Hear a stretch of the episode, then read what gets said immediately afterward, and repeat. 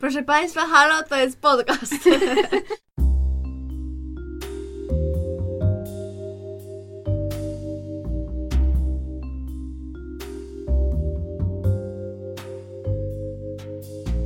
Witamy w bliskich spotkaniach szóstego stopnia. Podkaście o popkulturze, ale głównie o zapomnianych filmach. I o Kevinie Baconie. Ja nazywam się Justyna, a ze mną siedzi jeszcze Paulina. Oraz Gosia. Dzisiaj rozmawiamy o Fanatyku, czyli po angielsku The Believer w reżyserii Henry'ego Bina z 2001 roku. I żeby w skrócie opowiedzieć, co tam się dzieje, to poznajemy Daniego, który jest e, młodym nazistą i bardzo afiszuje tą swoją e, przynależność partyjną, powiedzmy.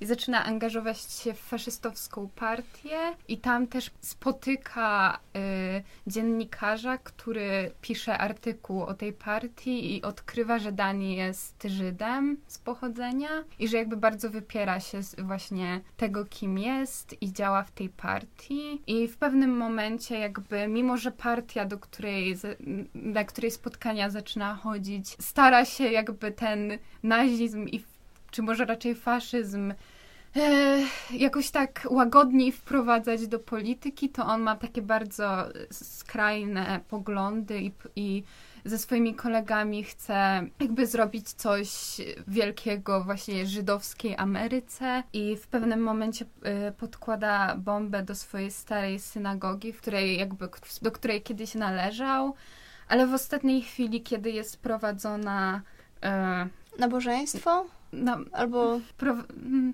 no, no modły jakieś. Tak, no. jakieś, jakieś niestety z naszej niewiedzy to wynika, ale jakie, takie żydowskie właśnie modły, to on w ostatniej chwili przejmuje jakby prowadzenie tego i wszystkich wypędza i ginie w tej synagodze wraz z wybuchem bomby.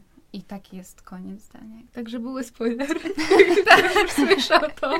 Już za późno. I, I może spytam od razu dziewczynki o takie pierwsze mini wrażenia, ile razy widziały, no, no, ile razy widziałyście ten film i tak dalej. To ja mogę zacząć. Był to pierwszy raz, kiedy, kiedy oglądałam Fanatyka i w ogóle ja chyba nigdy, jak w tym, jak w klubie AA, przepraszam. Co miałam powiedzieć? Że pierwszy raz widziałaś i chyba nigdy. Nie. Aha, tak, pierwszy raz widziałam i nigdy się chyba nie zderzyłam w ogóle z taką tematyką. To znaczy, jakby Żyda, który jest antysemitą, czy jakby czy w jakichś książkach, czy, czy nawet właśnie w filmach jakoś nigdy, nigdy po prostu nie zahaczyłam o ten temat.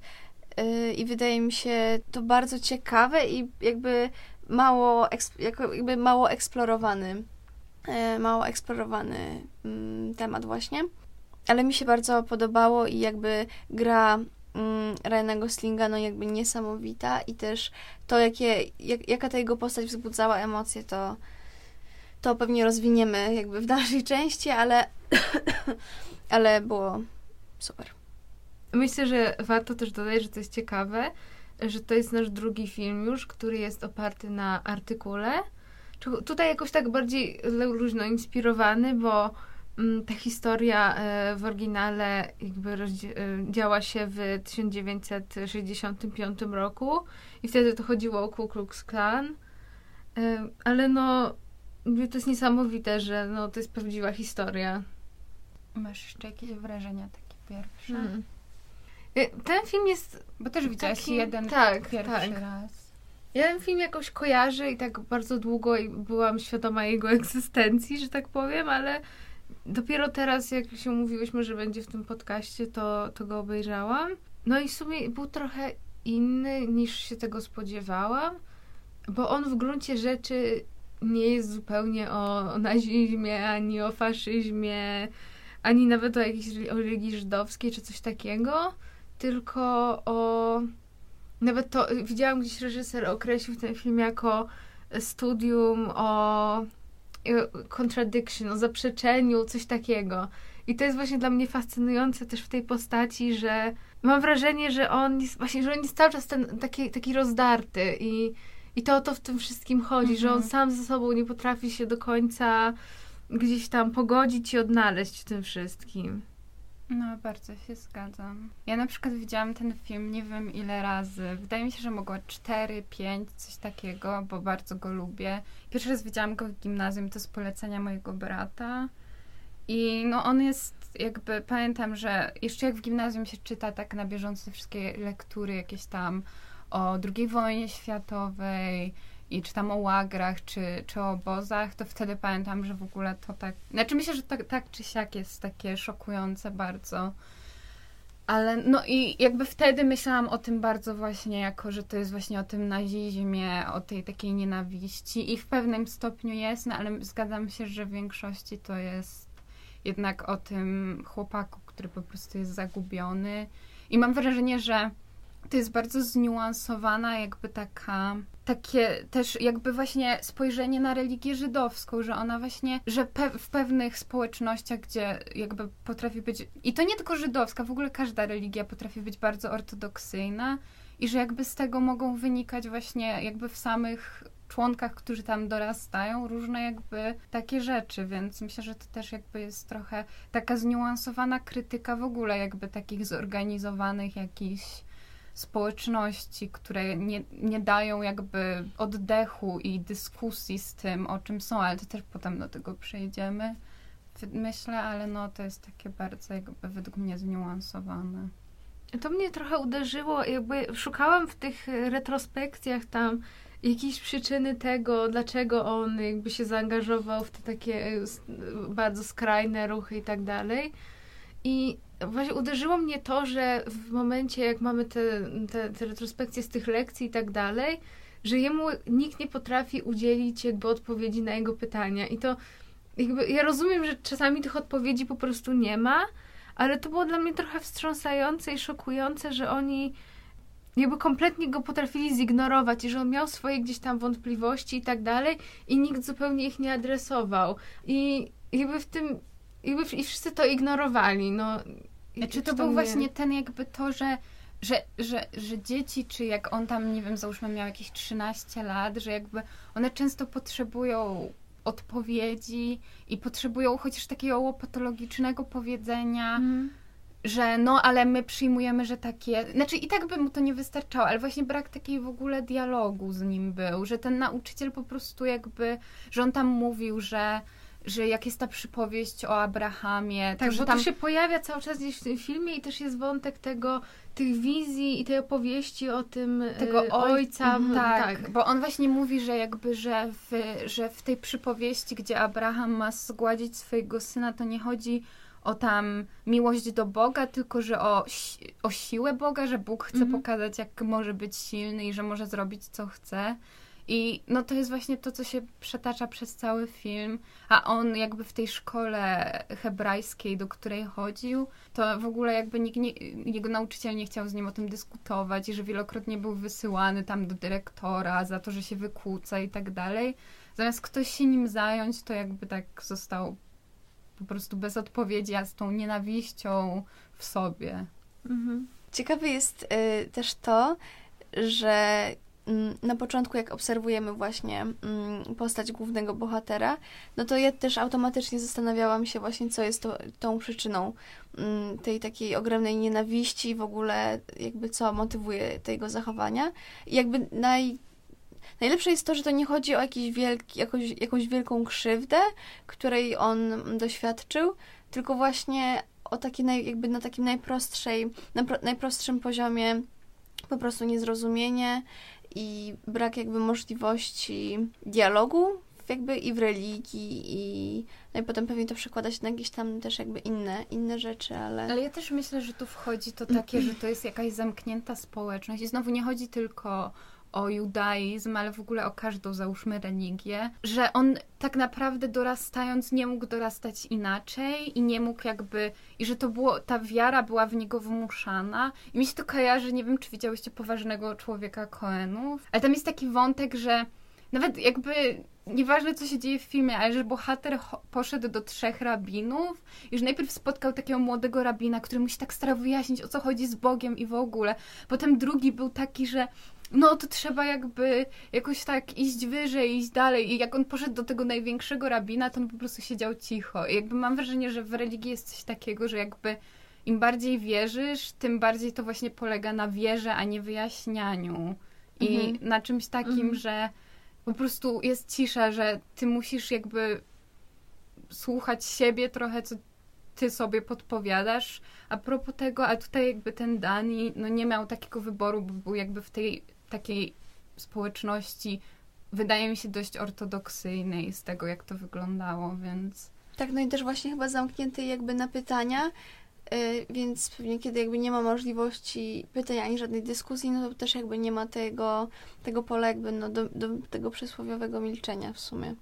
A też właśnie w nawiązaniu do tego, co powiedziałaś, Paulina, to jest, to jest trochę tak, że on nie rozumie do końca, na czym ma polegać religia. Właśnie jemu się trochę wydaje, że to, że, że tam są jakieś odpowiedzi, że jest konkretnie wszystko powiedziane, a on właśnie nie rozumie tego, że po prostu właśnie trzeba uwierzyć i jakby dla niego jest to trudne. No wiadomo też może nie każdy jest stworzony, żeby wierzyć w Znaczy ogóle, właśnie, no, bo to jest ale... coś takiego, że, że te, bo to jest trochę też tak jak w Polsce się często z tym spotyka, że jakby, że dla ludzi wiara jest po prostu takim automatycznym, że jakby, ja pamiętam jak gadałem kiedyś z, z jakąś osobą, to ona tak powiedziała, że no właśnie dobrze, że ja trafiłam tam na kogoś, kto mi właśnie pokazał tam załóżmy, że, że kościół może być fajny i tak dalej. Ja miałam trochę takie, że no spoko dla ciebie, a dlaczego to jest coś automatycznie dobrego. No jakby nie dla każdego kościół Mhm. jest czymś najważniejszym i wiara jest czymś oczywistym. Więc jakby czemu musimy mówić, że właśnie, że o to jest fajne, że mi się udało, a innym się nie udało i nie Mhm. wierzą. Tak, no też wchodzi chyba w to wszystko właśnie i jakby tradycja, to też jakby w judaizmie jest też jakąś tam, myślę, jakby podstawą i właśnie tym trzonem, że o wszystko, jakby, że wszystko jest, obraca się wokół tradycji, co absolutnie jakby nie jest, nie jest niczym dobrym w tym sensie, że powinniśmy też trochę jakby iść z duchem czasu i, i nie mówię, że jakby porzucać jakieś tam e, wartości i tak dalej, i tak dalej, tylko bardziej mm, je po prostu przystosowywać na nowo.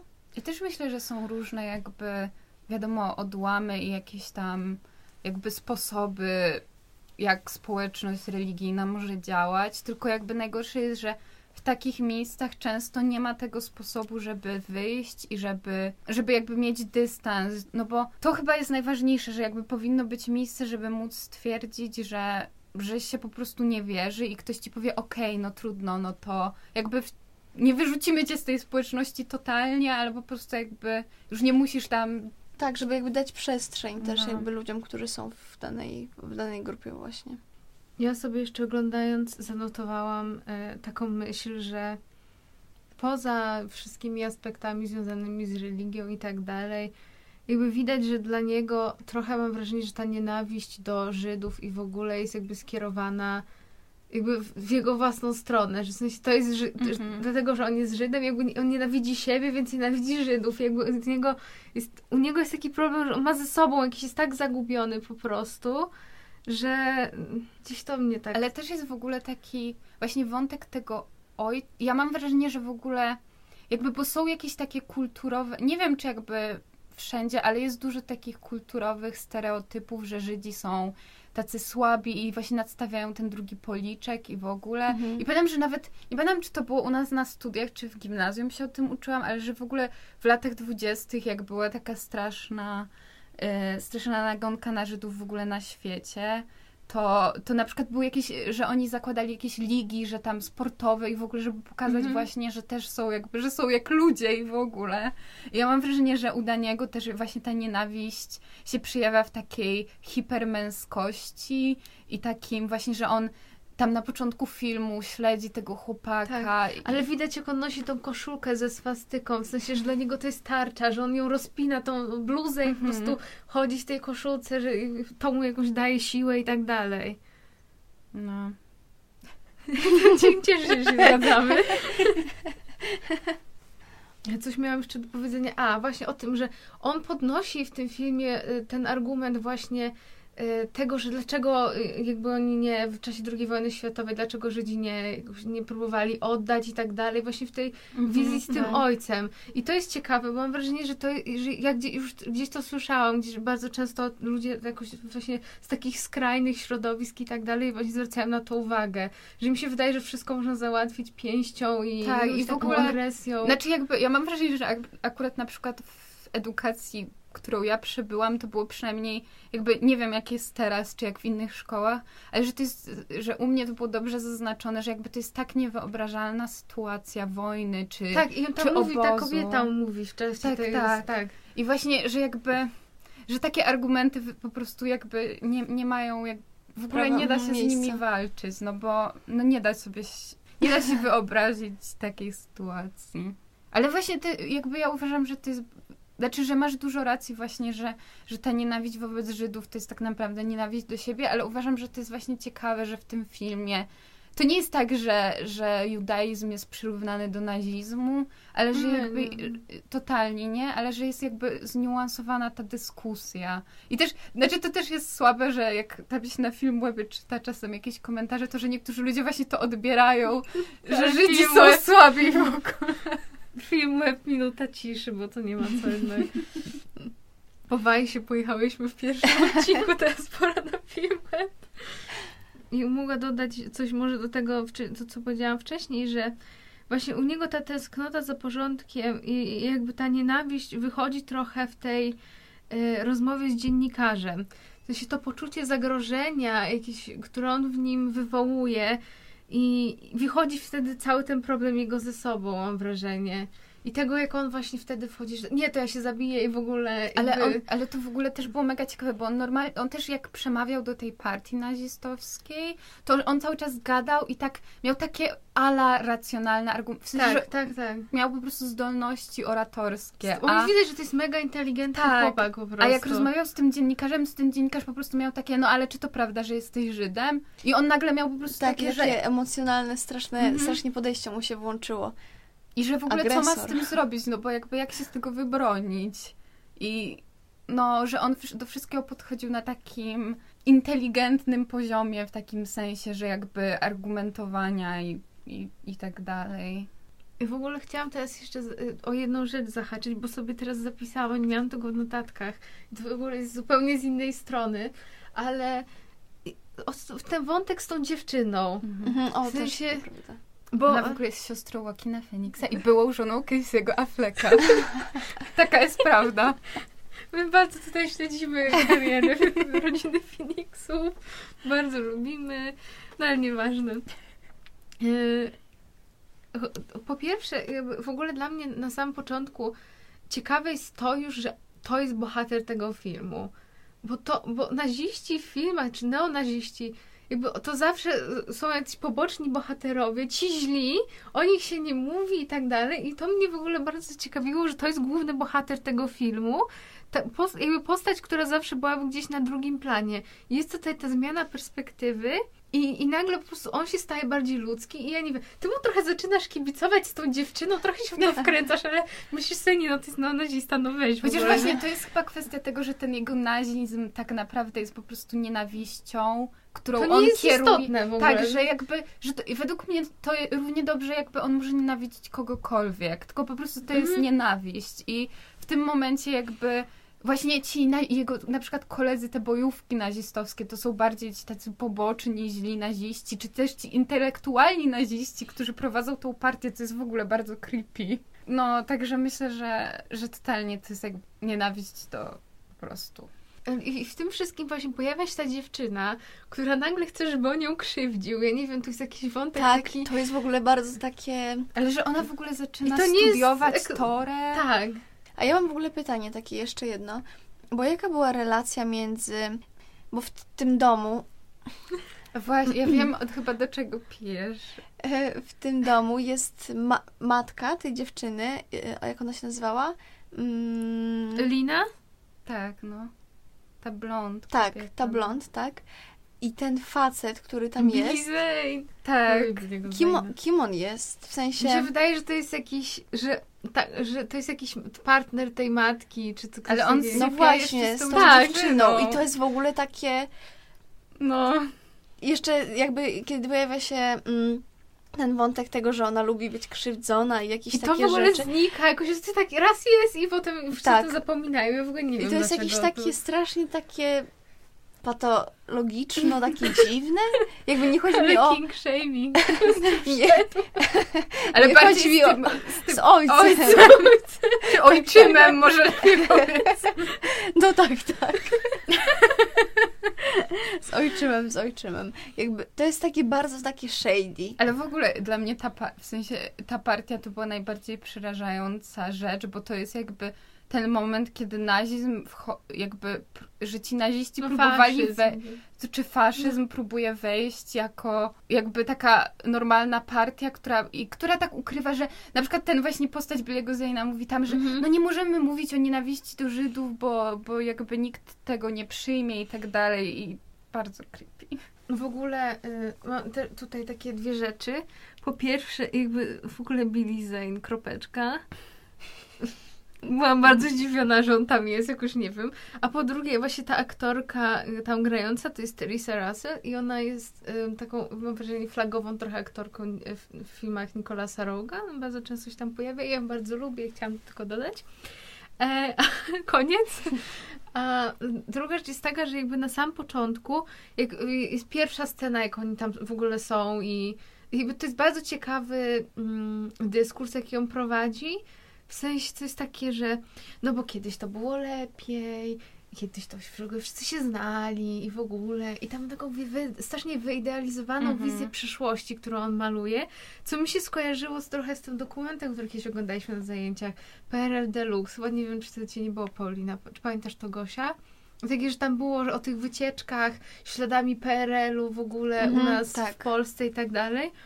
No jakoś właśnie ta wizja taka, że kiedyś to było lepiej, że przywracamy te takie tradycyjne wartości i w ogóle jakieś takie straszne pierdzielenie głupot. Ale to w ogóle właśnie takie tradycyjne bardzo jakby Tak. partii tradycyjnych, bardzo takie dyskursy popularne są. Mhm. I granie na tym takim, y, że właściwie, bo wszyscy te chłopaki takie, łącznie z tym Danielem, i oni są bardzo widać zawiedzeni w ogóle swoim życiem, w sensie, że tam im się nie udało i właśnie czują ten brak perspektyw i jakby szukają jakby strasznie zewnętrznych przyczyn tego.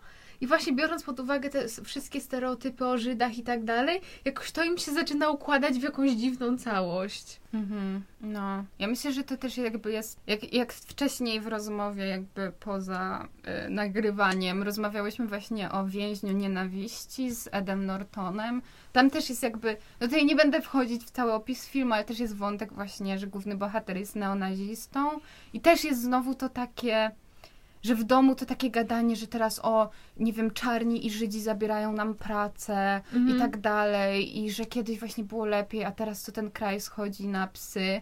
I po prostu w każdym roku każdy mówi takie rzeczy, że właśnie kiedyś było lepiej. I 100 lat temu też tak mówili. Make America Great Again. Naprawdę. Nie wiem, kiedy Ameryka była great, ale... Jak jeszcze nie przyjechali tam ci kolonizatorzy.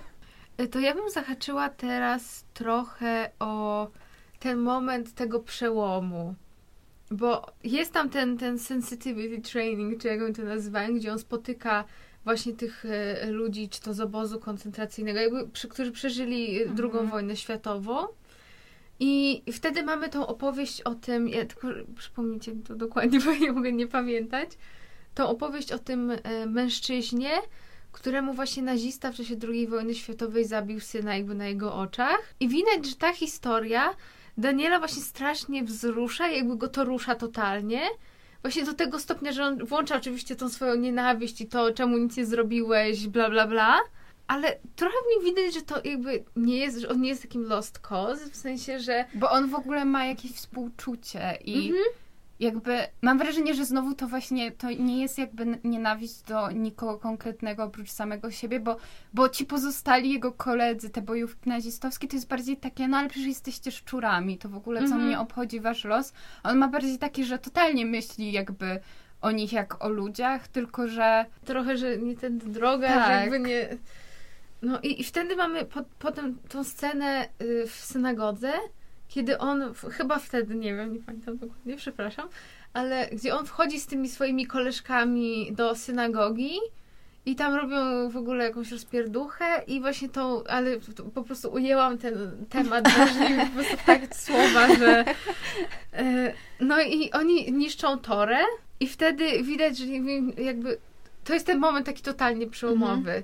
Znaczy w ogóle to jest tak wzrusz... w sensie w tak okropnej scenie, tak wzruszająca scena, kiedy on po prostu, jak oni drą i plują tą torę i on się na nią rzuca i ją jakby tak mówi, że przestańcie i w ogóle zostawcie. Mhm. I tak, to jest coś w tym tak, jakby mnie to tak wzruszyło w taki sposób po prostu jakby, I Gosling dobrze to zagrał. no To Gosling. prawda. A jednocześnie, ym, kiedy on tam, kurczę, nie pamiętam z kim on wtedy rozmawiał, ym, nie wiem, czy to nie był może drugi, jakby drugie zetknięcie się z tym dziennikarzem, kiedy mówi, że no, no bo jakby wroga trzeba dobrze znać, dlatego, Mhm. dlatego on jakby umie czytać Torę i tak dalej i, e, i zna te wszystkie zwyczaje i to też jest mm, taki jakby ciekawy mechanizm obronny moim zdaniem, że w momencie, kiedy stoi się na jakimś takim w cudzysłowie rozstaju dróg i nie wie, którą wybrać, to mm, jakby próbujemy się jakoś tam wybronić tym, że Nie, no tak, że, że jemu się włącza taki właśnie tryb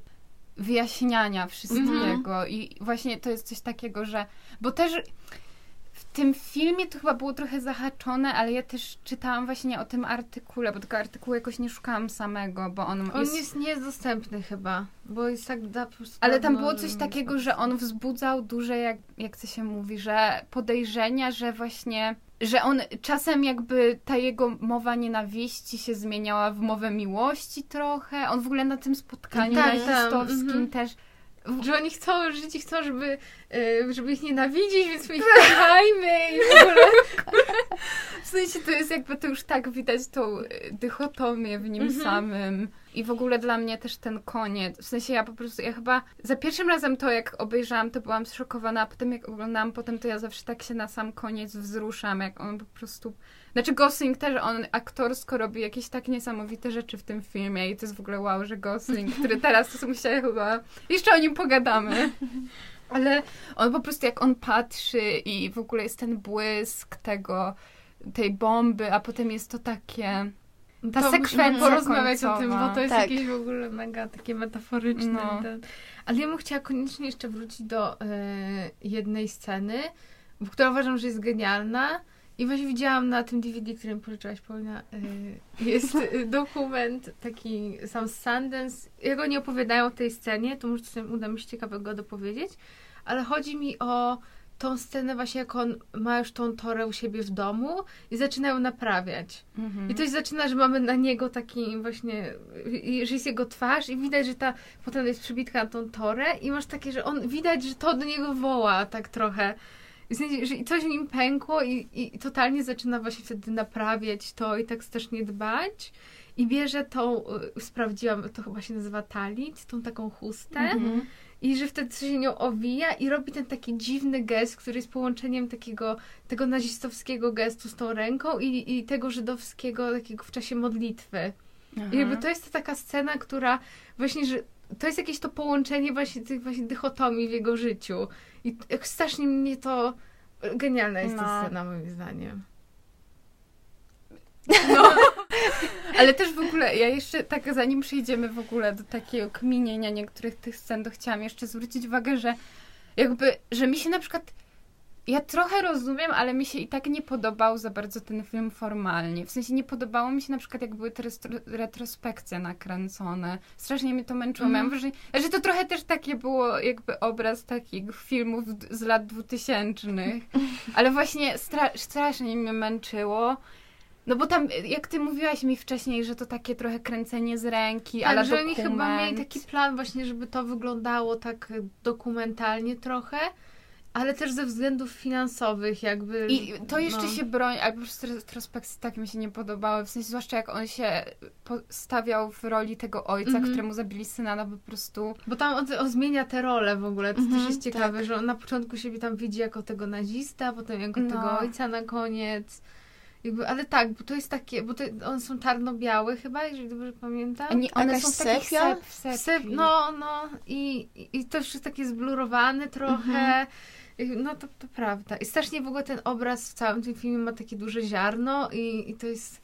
Ten film tak no, nawet nie wygląda jakoś super formalnie, ale ja jestem w stanie przyznać to, że okej, dobra, taką sobie obrali drogę, Tak. no i... Bo na przykład to jest ciekawe, jak poży- bo ja w ogóle przez jakiś czas zmuszałam strasznie ludzi i w ogóle tobie, jak pożyczałam ten film, to na początku chciałam cię zmusić, żebyś też obejrzała i ogólnie tak zmuszałam ludzi, żeby oglądali ten film i na przykład jedna moja przyjaciółka powiedziała właśnie, że pierwszy, że, bo dla mnie ten film jest taki, że jakby te kwestie formalne to jakby zostawiam na koniec, no bo tam jest tyle jakby do innych rzeczy do porozmawiania, ale to było dla mnie dziwne, jak właśnie jedna moja przyjaciółka tak powiedziała, no mi strasznie ten film nie podobał właśnie tak wizualnie i strasznie mnie to męczyło i tak dalej. Ja miałam takie, no ale co z tego, no zobacz co tam jest, w ogóle jaka jest Mhm. treść i w ogóle. Mm, To prawda, to jest jakiś dowód właśnie, że tak naprawdę ta strona formalna gdzieś trochę jest drugorzędna tak naprawdę. Jeżeli ten film ma o tyle ciekawy temat, scenariusz i tak dalej, ja- jestem na przykład w stanie naprawdę dużo formalnie wybaczyć. i No, ten też jak gadałyśmy, że ten Shattered Glass,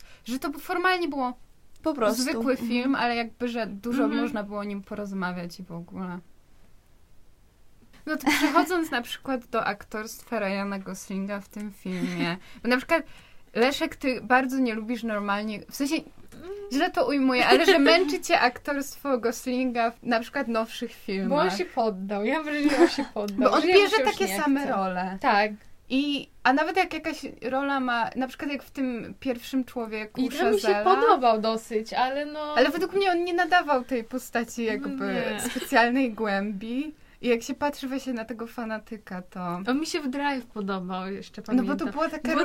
Tak jak Ben Affleck w Gothic. On w ogóle jakiś czas temu był u Kimmela i opowiadał, że pojechał do, do Włoch na ślub swojej mamy i że tam taka, że tam i Kimmel go spytał, czy on tam ktoś go rozpoznał i powiedział, że tylko raz jakaś starsza pani się do niego y, nachyliła i powiedziała why you no talk in these movies? I Gosling miał takie no.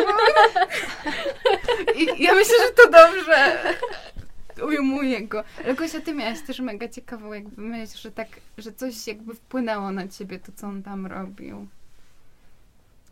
W sensie, że jak wcześniej mi pisałaś, że, że on według ciebie aktorsko jakoś tak... A także mm, strasznie takie, mm, no właśnie też takie dychotoniczne, Dychotom... tak, dychotoniczne, Dy, dychotomiczne. miczne. Tak, Tego nie wytnę.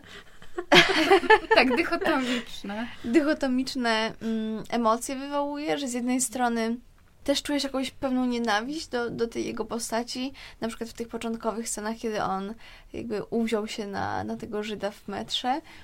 I, no i to jest takie zupełnie jakby bez sensu, bo on nie ma... I Znaczy, sposób, w jaki on w ogóle to robi, że ty chyba też o tym mówiłaś, w sensie tak poza nagrywaniem, że, że go tak przydeptuje, że tak nad nim wisi, jak on siedzi w metrze, to on tak nad nim jakby tak Mhm. Tak, napiera to- na niego. że to jest takie strasznie... Takie właśnie mm, tak, dla mnie właśnie to jest ta taka Afiszowanie się też. hipermęskość, Mhm. którą on jakby próbuje tak, do tego właśnie chłopaka, który jest taki skulony. No i kto normalny jakby będzie się bił z nazistą w metrze, no. No. Ten film, dobrze temu filmowi wychodzi takie wizualne opowiadanie i to mi się podobało. Właśnie w tej pierwszej scenie, która y, jakby jest takim openingiem w ogóle, ale że już dużo wiemy o tych postaciach, znaczy o tej postaci jednej, bo w sumie jak się pojawię potem, ale że już z tego jakby dużo wiemy o, o, o, ty, o tym bohaterze.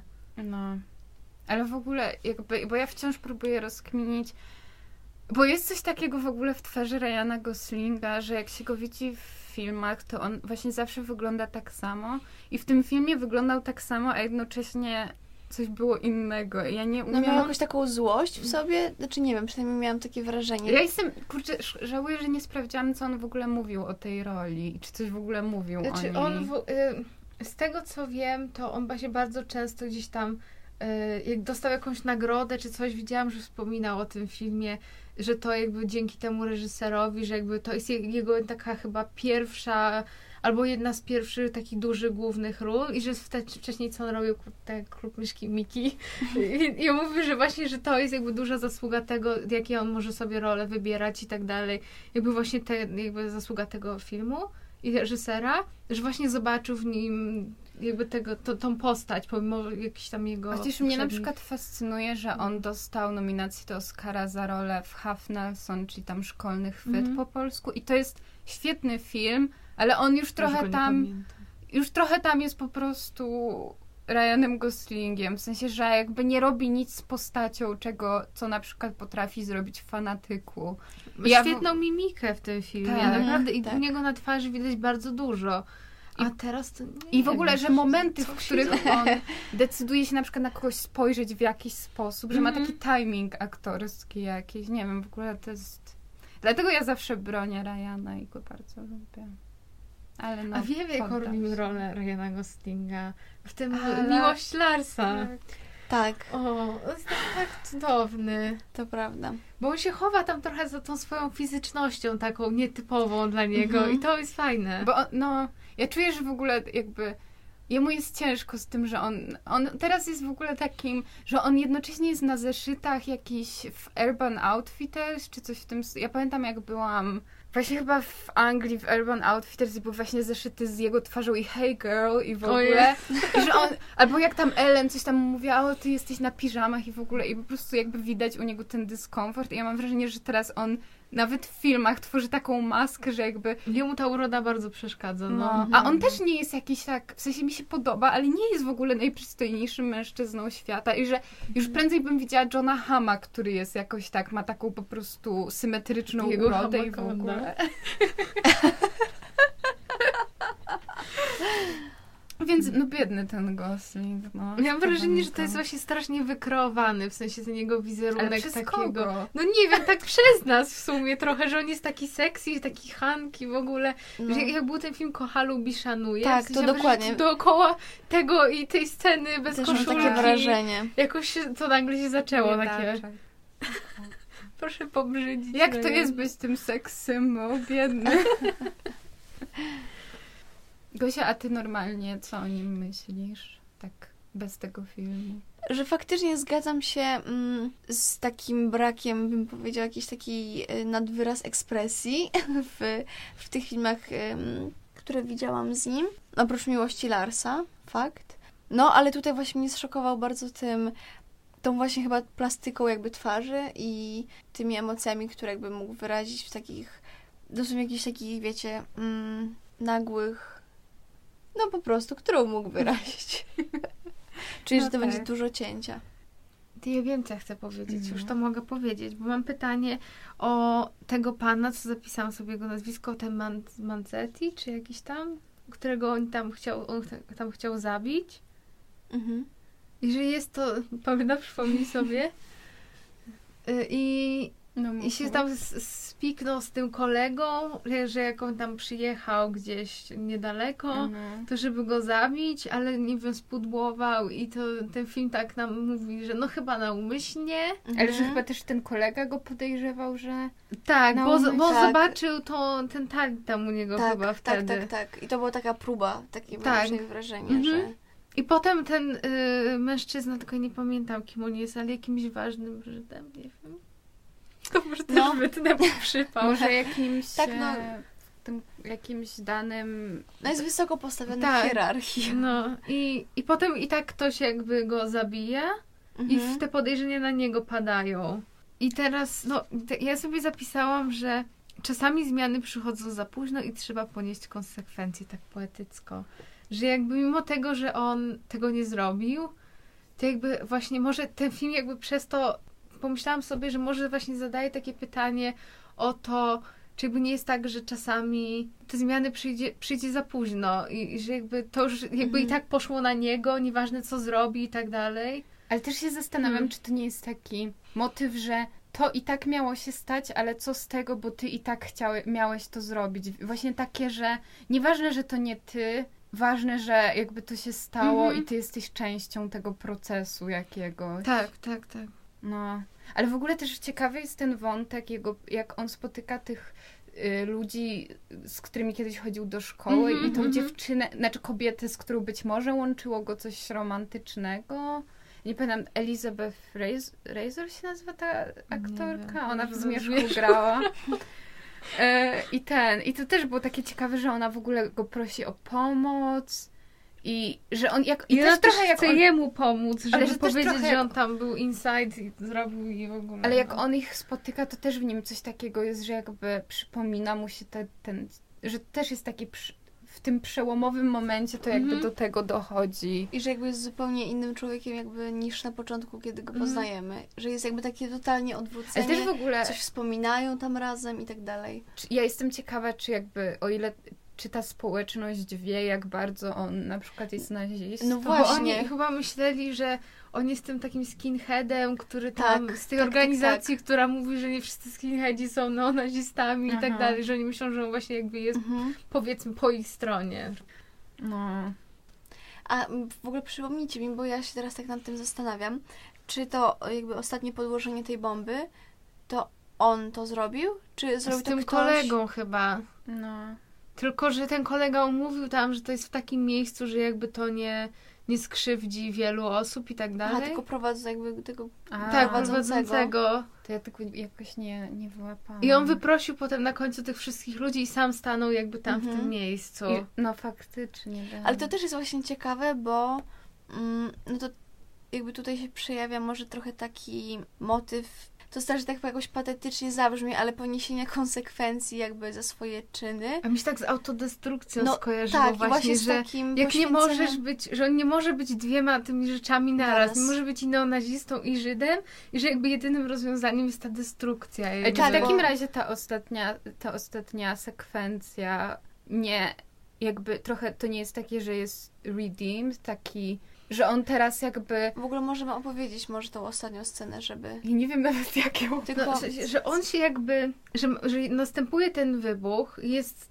cały biały ekran I w ogóle to jego, jeszcze przepraszam, Mhm. zanim ten, to on przed tym wybuchem rzuca takie ostatnie spojrzenie, które po prostu tyle mówi, Mhm. bo jest takie właśnie, jest to takie, że nie może być tymi dwoma rzeczami naraz, że przeprasza, że spotkało go to, co miało go spotkać i po prostu, Jezu, to było świetne.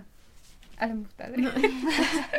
I wycofamy się trochę do tej sytuacji z tych retrospekcji, Mhm. że jest ten jego nauczyciel i, jest chyba w ogóle, przepraszam, Mhm. tak ci wejdę Nie, nie, słowo, mów. ale właśnie to jest chyba ten kluczowy moment, jakby jakiejś zmiany w nim, w sensie w tych retrospekcjach, tak? Bo chodzi o to, że on jakby zostaje wyproszony, znaczy on zostaje wyproszony, czy on ucieka? No Nie, chyba w końcu wyproszony, wyproszony, a potem no. ucieka chyba w Mhm. ogóle. No i pewnie, czy ja to odebrałam jako jakiś taki moment przełomowy w tym, jakby w tej religijnej sferze jego i może powiedzmy, że to jakoś tam go nakłoniło, żeby być, stać się właśnie tym neo, neonazistą. Coś miałam powiedzieć. Aha, no i właśnie jakby to jest trochę powrót do, do tego, do tej ucieczki i przekazuję ci głos. Nie, e, on tam po prostu wbiega po schodach. Jest jakby z sobą takim dorosłym i on wbiega po schodach w kółko i ten nauczyciel coś tam do niego mówi. Tak, I że- pamiętam, że tam nic nie ma chyba, czy coś takiego. On mówi, że w, on coś takiego mówi w ogóle, że Dani, poczekaj, porozmawiajmy jeszcze raz o tym Abrahamie Mhm, mhm. i Izaku, ale w ogóle, bo dla mnie to To jest jest jakaś wizja czyśca, czy Dla mnie to jest w ogóle No takie właśnie. totalnie religijne, w takim sensie, że mi się wydaje, że w ogóle w niektórych, i teraz ja mogę palić jakieś głupoty, ale w niektórych odczytaniach Tory mówi się, że jakby Bóg jest nieskończonością i ciągłym powtarzaniem. I właśnie to, jest. sens, Ja mam no. wrażenie, że to jest to takie powrócenie, po- w sensie, że takie. Nie nazwałabym tego niebem, bo też w ogóle Żydzi nie wierzą w piekło. A.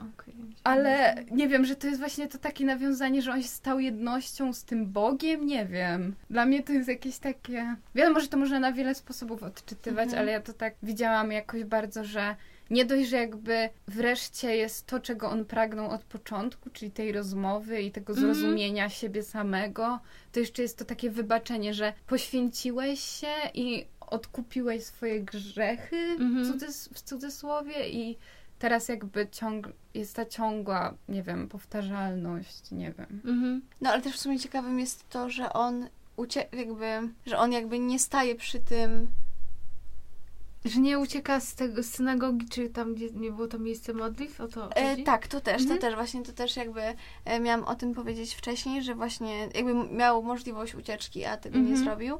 ale też y, chyba w tej właśnie jakby tej wizji końcowej. Tylko ja nie wiem, czy ja dobrze pamiętam tą scenę, ale my tylko słyszymy ten głos y, tego rabi. Nie, go widać. On tam stoi No właśnie. chyba pomiędzy tymi schodami. I to też jest Mhm. jakby ciekawe, że on się nie zatrzymał, jakby nie zatrzymuje się przy nim, tylko Gdzie jakby- wyżej w ogóle. Tak, i jakby Mhm. to też jest jakby, no moż, możemy to jakoś tam zinterpretować też, że czy on jakby nadal nie chce tej rozmowy, bo już jakby do czegoś Mhm. doszedł O, sam, to czy...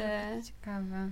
Chociaż właśnie to fakt, że jakby ten nauczyciel, który za każdym razem go tam strofował i wysyłał do dyrektora, że właśnie otwiera miejsce na No tak, to dialog. Mhm. Mhm. Ale ciekawe jest to włożenie go do tej ostatecznej wizji, w sensie, że. Bo mam wrażenie, że to by tak podobnie działało, gdyby on sam chodził w kółko po tych schodach. Mhm. I byśmy tylko na przykład rozpoznali, że to jest ta hebrajska szkoła i w ogóle. Tak, chociaż chyba jakby myślę, że skoro ten Abraham i jakby, w sensie, że to jest taka koda trochę zamykająca, Mhm. bo ten film zaczyna No się tak. też od jakby wspomnienia właśnie tej, tej lekcji i tak dalej i stricte właśnie dotyczące, dotyczącej tej historii całej, to, to jest to jakaś właśnie swego rodzaju koda i takie Mhm. też to zapętlenie, w sensie zapętlenie w zapętleniu, tak, bo mówimy, że te schody są nieskończonością, no i jakby ten sam, cały film jest jakby czymś takim...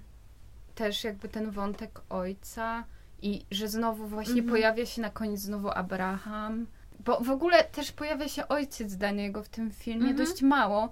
Ale to jest takie znaczące, że on jest taki słaby i potrzebuje pomocy. Mhm. I on chyba tam się nim opiekuje. Ale w ogóle też, bo z jednej strony on... No Tam jeszcze jest ta jego siostra chyba, nie? Tak. A to sobie przypomniałam. Ale on się upiera na.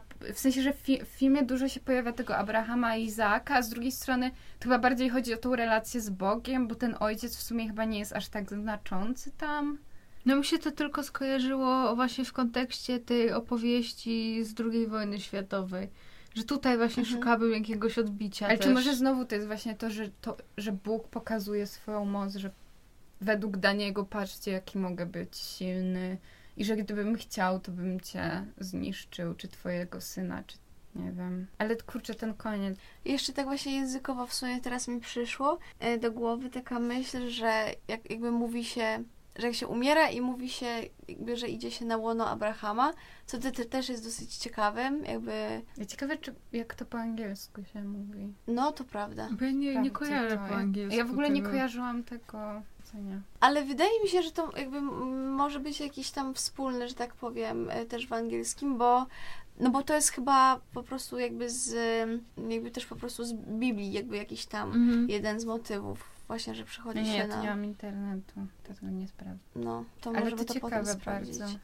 Więc to też jest jakby może jakaś taka A może w ogóle to jest jakby o autorytetach i że ten, i że nauczyciel był tym autorytetem i że gdzieś tam ten Bóg jest autorytetem. Nawet w tej partii, że jest jakiś autorytet nad nim. To jest w ogóle taka war- walka z autorytetami, takim próbowaniem odnalezienia siebie, gdzie teoretycznie nie masz głosu jako Właśnie on, on poszukuje tej takiej niezależności bardzo i w ogóle widać, że w nim jest ten sprzeciw przeciwko, sprzeciw przeciwko, sprzeciw wobec właśnie to, co Takich wielkich mówisz, narracji, ja bym to tak mhm. nazwała, że tak powiem. Prawdy przez duże P. Chociaż z drugiej strony według mnie właśnie on był, bo ten, ta ostatnia scena jest według mnie taka, że on byłby wierzący, gdyby ktoś bo on dał to- mu szansę Tak, do tego dojść. Bo y, to też y, w tym, y, w tym krótkim filmie z, właśnie z DVD, tam było coś takiego, padło coś takiego, że on walczy z tą częścią siebie, którą najbardziej kocha i którą najbardziej gardzi. To chyba montażysta tego filmu powiedział. Że właśnie on, jakby widać, że w nim jest straszna miłość jakby do tej, do tej religii, do tego, jakby co, w, jakby w czym dorastał i tak dalej, ale no nie potrafi się tam do końca odnaleźć. To też jest ten tragizm No. trochę. Bo ja myślę, że w ogóle jakby, w sensie ja na przykład też jakoś, kurczę, nie pamiętam teraz, ale jakoś dzień chyba przed obejrzeniem znowu tego filmu skończyłam czytać Disobedience Naomi Alderman, który właśnie jest o dziewczynie, która w Anglii opuściła ortodoksyjną społeczność żydowską i wraca na pogrzeb swojego ojca i ona w ogóle jest tam jakiś wątek LBD, LB...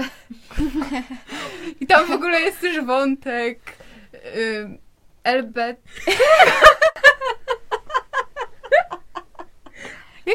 Wątek LGBT... LGBT... Kurwa, dobra. I tam w Nie ogóle, wycinam! I tam w ogóle pojawia się właśnie wątek LGBTQ+.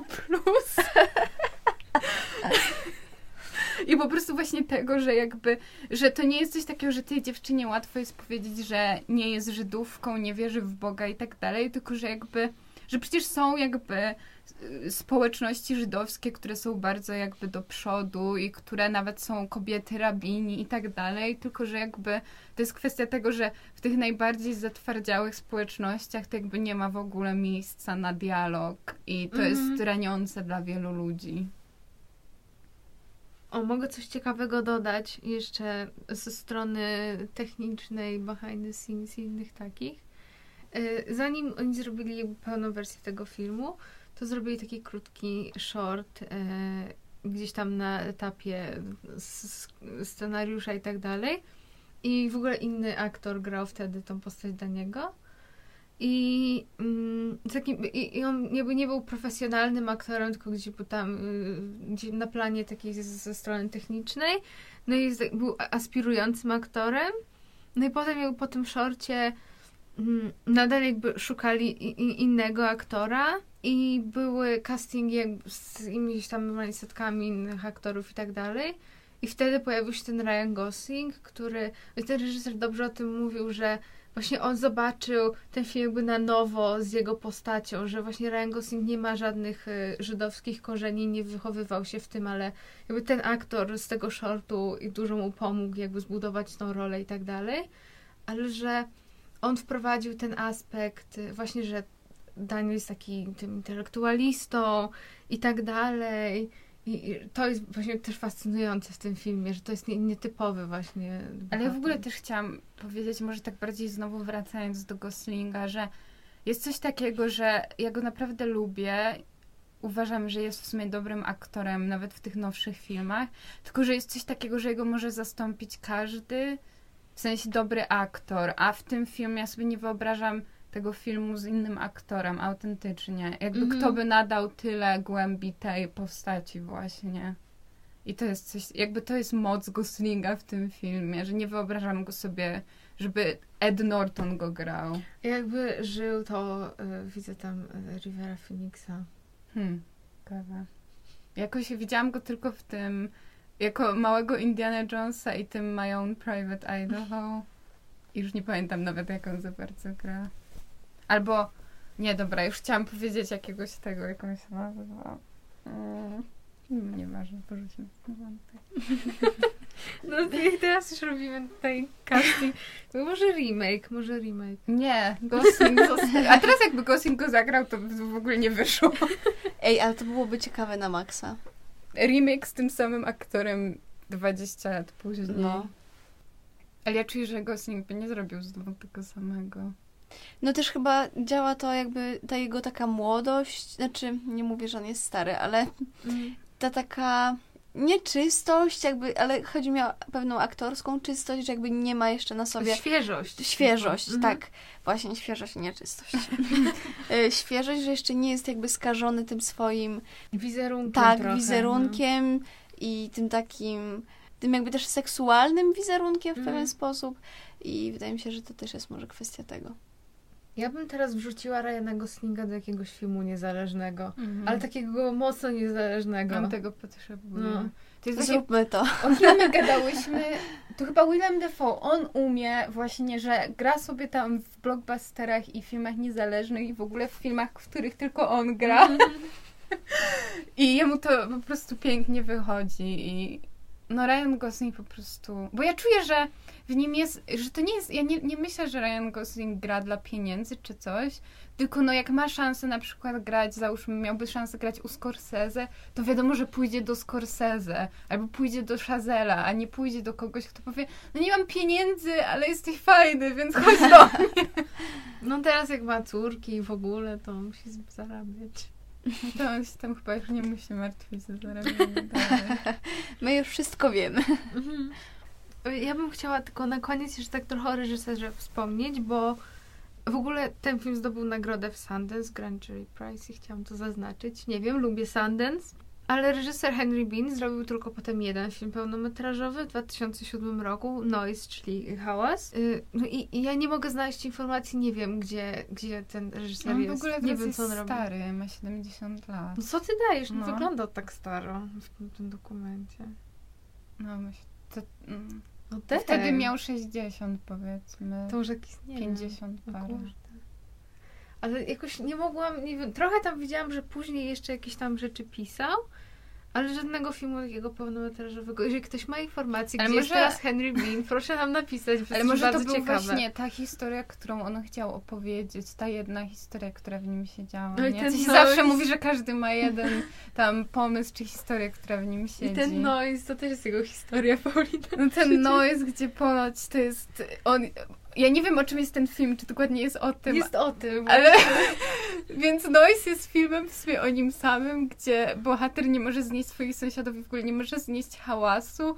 I na przykład czytałam, że ten reżyser, kiedy na ulicy włączał się alarm w samochodzie i właściciel nic z tym nie robił, to on po prostu włamywał się do tego samochodu i go niszczył i wyłączał ten alarm. W ogóle był przez to w więzieniu.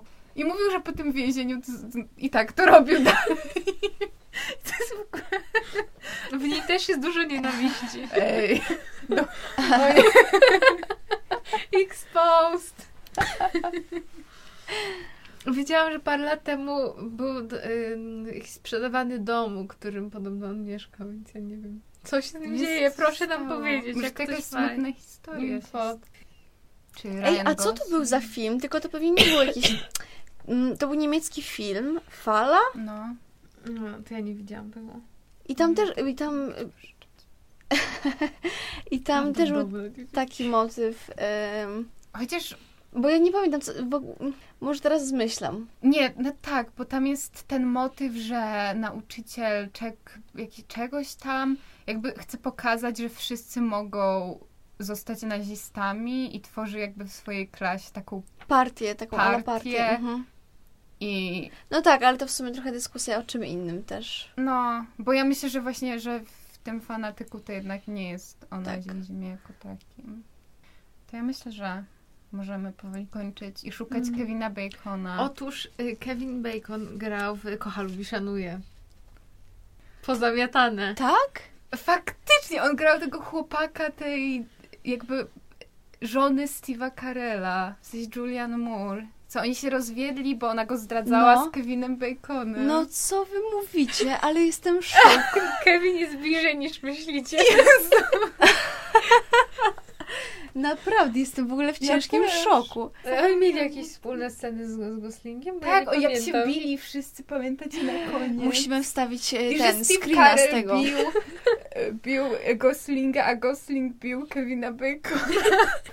O Co za matko. spotkanie na szczycie. Czyli w ogóle tutaj w pierwszym kroku już to się udało. No. I jeszcze ty wprowadziłaś też kolejną tradycję, że z Harrym Potterem A. związany.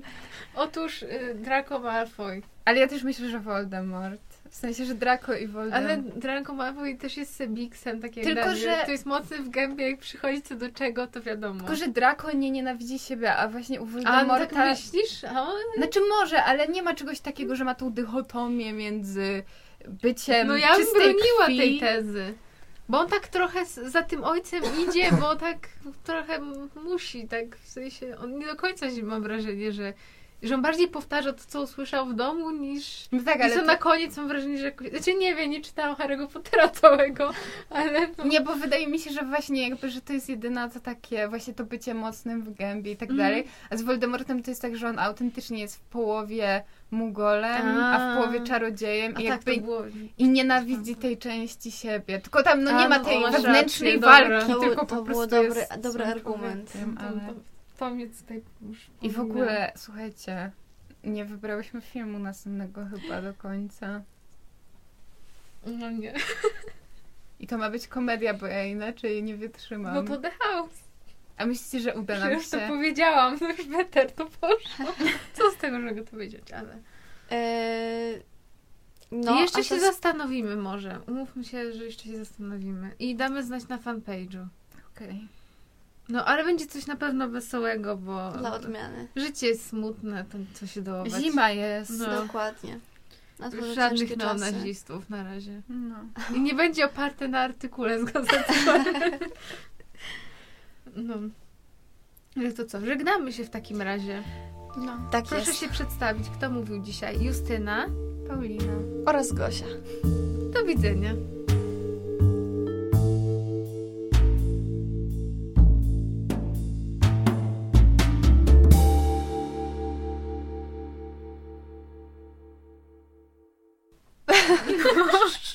Przepraszam, ale nie mogę.